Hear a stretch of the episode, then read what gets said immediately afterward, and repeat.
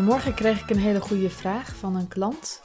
En die vroeg zich af of ik altijd al zo goed was geweest in productiviteit en orde. En nou, uh, nee. en ik vertelde haar ook dat ik uh, in de eerste eigenlijk al van uh, met een VWO-advies afgeleed, noem ik het toch maar, naar de MAVO. En vooral omdat ik gewoon geen idee had wat de bedoeling was. Ik had gewoon geen idee. Had ik een, een, uh, een, uh, een SO'tje de dag erna en een toets, een grote toets, een week later, dan wist ik niet wat moet ik dan vandaag doen. Moet ik dan voor die toets leren? Ik stak gewoon mijn kop in het zand en hoopte dat het snel voorbij zou zijn. Dus zo bleef ik ook zitten. Nou, het was een gedoe. Ik ben uiteindelijk door de middelbare school heen geworsteld. Toen ging ik uh, studeren. Ik weet niet, geloof niet dat het daar echt nou zoveel beter van werd. Uh, ik ging eerst trouwens, dat, raad je nooit. Ik kan een keer, oh, als ik het nu ga zeggen, dan kan het niet meer. Volgens mij heb ik dit nog niet gedeeld, maar ik ging eerst een studie doen die niet zo heel goed bij me paste. En uh, je mag raden wat voor studie dat was. Mag je me pb'en? um, en vervolgens uh, deed ik, um, ging ik naar de Pabo. En toen kwam het best wel goed eigenlijk. Toen, ik weet niet waarom. Waarschijnlijk was ik toch gemotiveerder geraakt in de tussentijd. Ik denk dat de omslag al een beetje in examenjaar op de middelbare school kwam. Als ik maar uh, het doel dicht voor me zie, dan kan ik het wel. Maar als het heel ver weg is, dan gaat het niet zo goed. Dus ik ben ook niet iemand van tien jaren plannen. Daarom denk ik, sluit het ondernemerschap gewoon zo ongelooflijk goed aan bij mij. Het is gewoon hoe ik bedraad ben. Het is gewoon hoe ik in elkaar zit. En vanaf het moment dat ik door ging krijgen, en dat was echt na jaren, dat het helemaal niet de bedoeling was. Ik denk dat ik toen al tien jaar bezig was. Dat het helemaal niet de bedoeling was dat ik me in een bepaald hokje ging duwen en dat ik me ging aanpassen en dat ik allemaal dingen ging leren waar ik slecht in was. Dat het gewoon de bedoeling was dat waar mijn kracht lag, dat ik dat meer aandacht gaf. En natuurlijk had ik zeker nog wel essentiële dingen te leren die me minder goed afgingen. Um, maar eigenlijk, ja, dat is dat denk ik minder groots geweest dan niet meer doen waar ik niet geniaal in ben. ben. Ik had wel echt een behoorlijk een, uh, het gevoel dat ik tekort schoot, dat ik beter moest zijn in leiding geven, in bij het plan blijven. Nou ja, ik zou willen zeggen, F dat, echt waar. Want het slaat helemaal nergens op.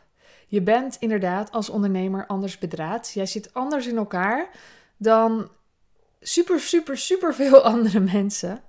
Uh, ik weet niet of jij ook hebt gemerkt dat het op de middelbare school niet zo goed ging. Ik ken ook een heleboel ondernemers die het wel lekker, ja, waarbij het wel gewoon prima ging op de middelbare school. Of op de basisschool eigenlijk, misschien al. Bij mij ging het allebei niet zo heel per se denderend. En ja, het is gewoon dat je op een andere manier in elkaar zit en anders werkt. En anders is bijvoorbeeld dat jij heel erg gepassioneerd kunt zijn.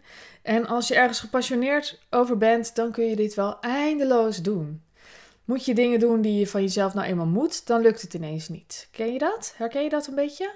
Dat je vindt dat je ook allemaal andere ordelijke dingen moet doen, maar dat lukt allemaal niet zo heel erg. Nou, ik kan je vertellen, dan voldoe je waarschijnlijk aan de norm van ADHD. Ik in ieder geval wel. En het doet er eigenlijk, nou, tenzij het je echt enorm belemmert in je gewone doen en laten, doet het er verder niet zo heel erg toe, dat labeltje. Het gaat er in ieder geval om dat jij heel erg je passie mag gaan volgen. En dat klinkt altijd een beetje cheesy. En het is gewoon hartstikke waar, want daarin maak jij het verschil. En als ondernemer heb je maar één ding te doen: het verschil maken. Echt het verschil maken. Nieuwe dingen creëren. Dingen doen die er nog niet zijn. Je verhaal delen, een verhaal dat er nog niet is. Um, antwoord geven op een vraag die bestaat. Dus als in een oplossing bieden voor een probleem dat bestaat. Dat is wat je te doen hebt en niet per se dingen op orde hebben. Wat kun je nou doen om je bedrijf toch te goed te laten lopen terwijl jij misschien niet altijd alles zomaar op orde hebt?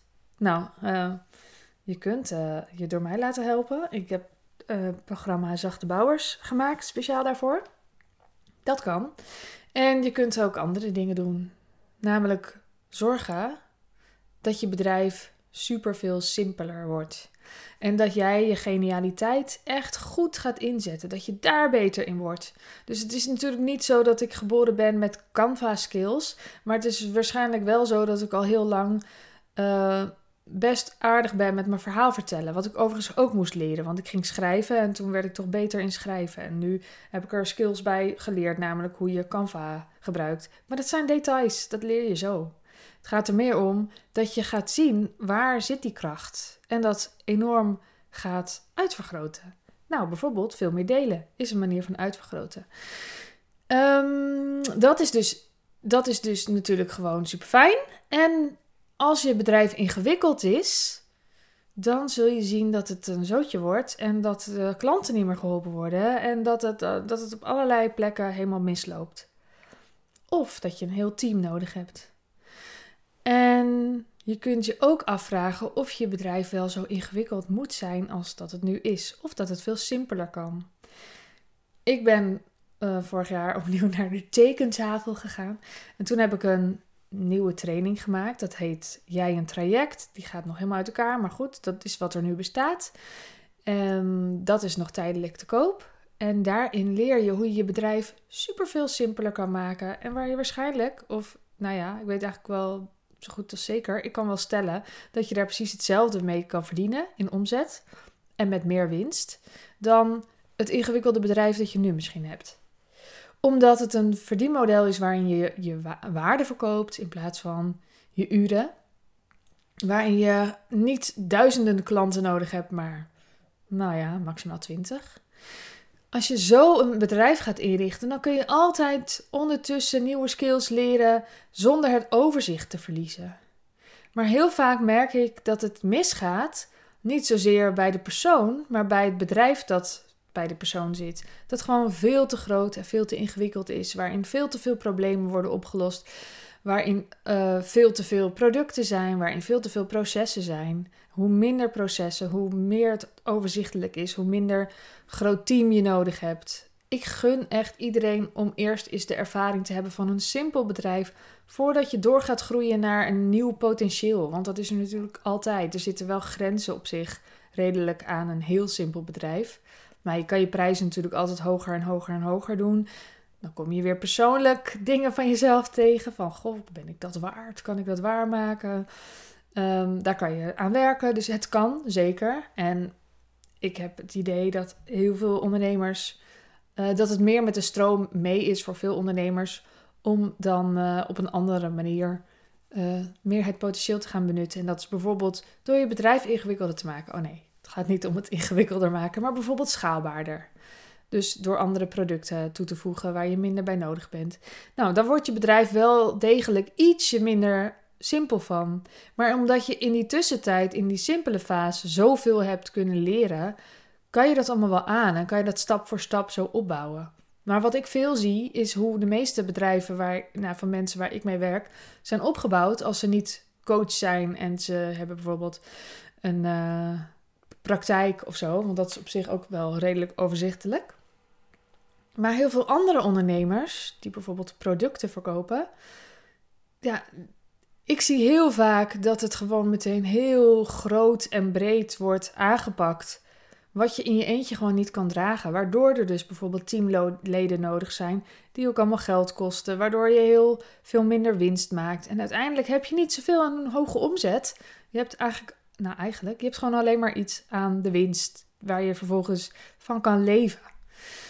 En met de kanttekening dat als jij een miljoen omzet hebt en 9 ton aan uh, kosten, dan heb je natuurlijk een ton winst.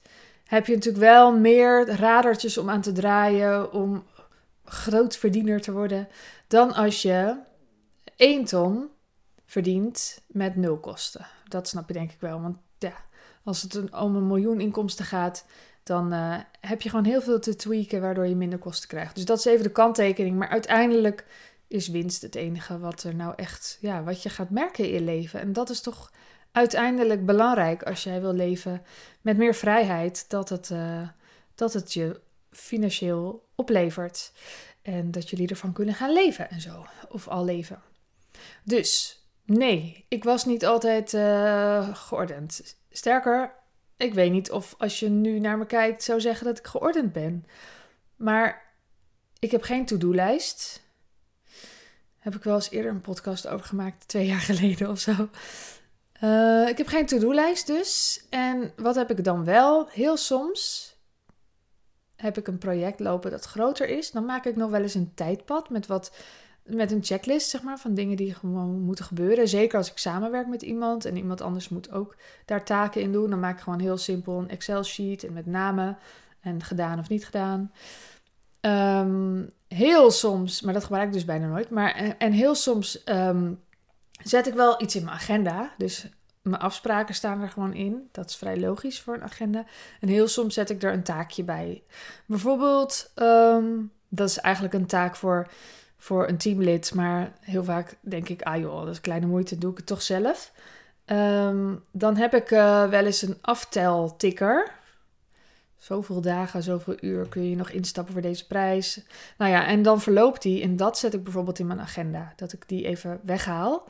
Want anders staat er heel lang dat het goedkoper had moeten zijn dan, uh, dan vervolgens de prijs is. Dus dan zie jij een, een salespagina waarop staat: het kost nu 900 euro. En dan zie je daar bovenaan staan dat het gisteren nog 700 euro was. Dat is niet heel handig voor de conversie.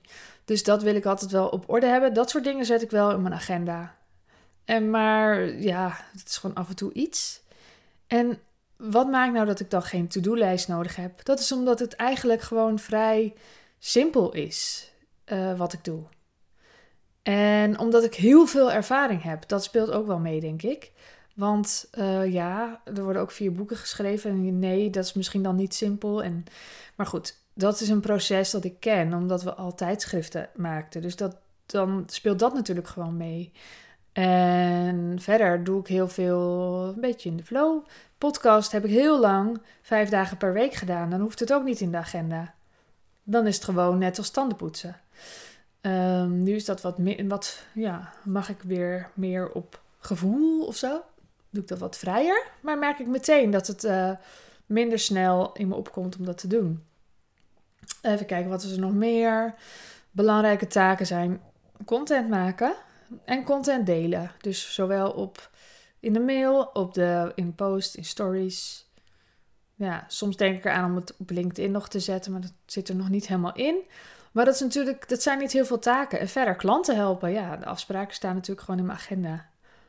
En wat ik daar omheen doe, zijn, is het nadenken waar ik heen wil. Het uitwerken van programma's. Uh, dat soort dingetjes. En alles van klantenservice en zo, dat is allemaal niet mijn werk. Dat is van een teamlid. En als jij een heel simpel bedrijf hebt en je bent nog in je eentje, dan is het dus extra belangrijk dat, dat je niet duizend klanten hebt in je eentje, want dan verlies je het. En dan heb je helemaal geen tijd om bezig te zijn met die grote visie en je nieuwe programma's en content maken en goed aanwezig zijn online en je verhaal vertellen. En dat mensen van alles, ja, weet je wel, vooruit kunnen. Dus um, ja, dat is echt een hele belangrijke meerwaarde van uh, het simpel houden. Uh, over simpel houden heb ik nog een uh, podcast samen opgenomen met Anke over waarom zou je een traject aanbieden. Dat gaat er nog veel dieper op in. Die zou ik zeker luisteren als je overweegt om dat te gaan doen. En verder zou ik zeggen, ja, je bent anders, omarm het alsjeblieft. Ja, dat is het belangrijkste. Ik wens je een hele fijne ochtend, middag, avond, nacht en tot de volgende keer. Doei doei!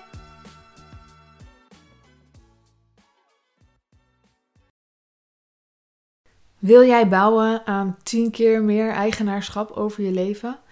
Wil je dat door middel van zelfvoorzienend leven in het kleinste zin van het woord, ondernemerschap, en persoonlijk leiderschap? Kom dan bij Community Leven in Vrijheid, waarin een hele groep wilde mensen is die hier ook mee bezig zijn, die dit ook willen en die heel graag met je willen uitwisselen. Over moestuinieren, over grootse plannen, over hun eigen bedrijf opbouwen, over allerlei aspecten die allemaal samen zorgen voor een, een leven buiten de logge systemen. Ga naar wildemens.nl als je erbij wilt.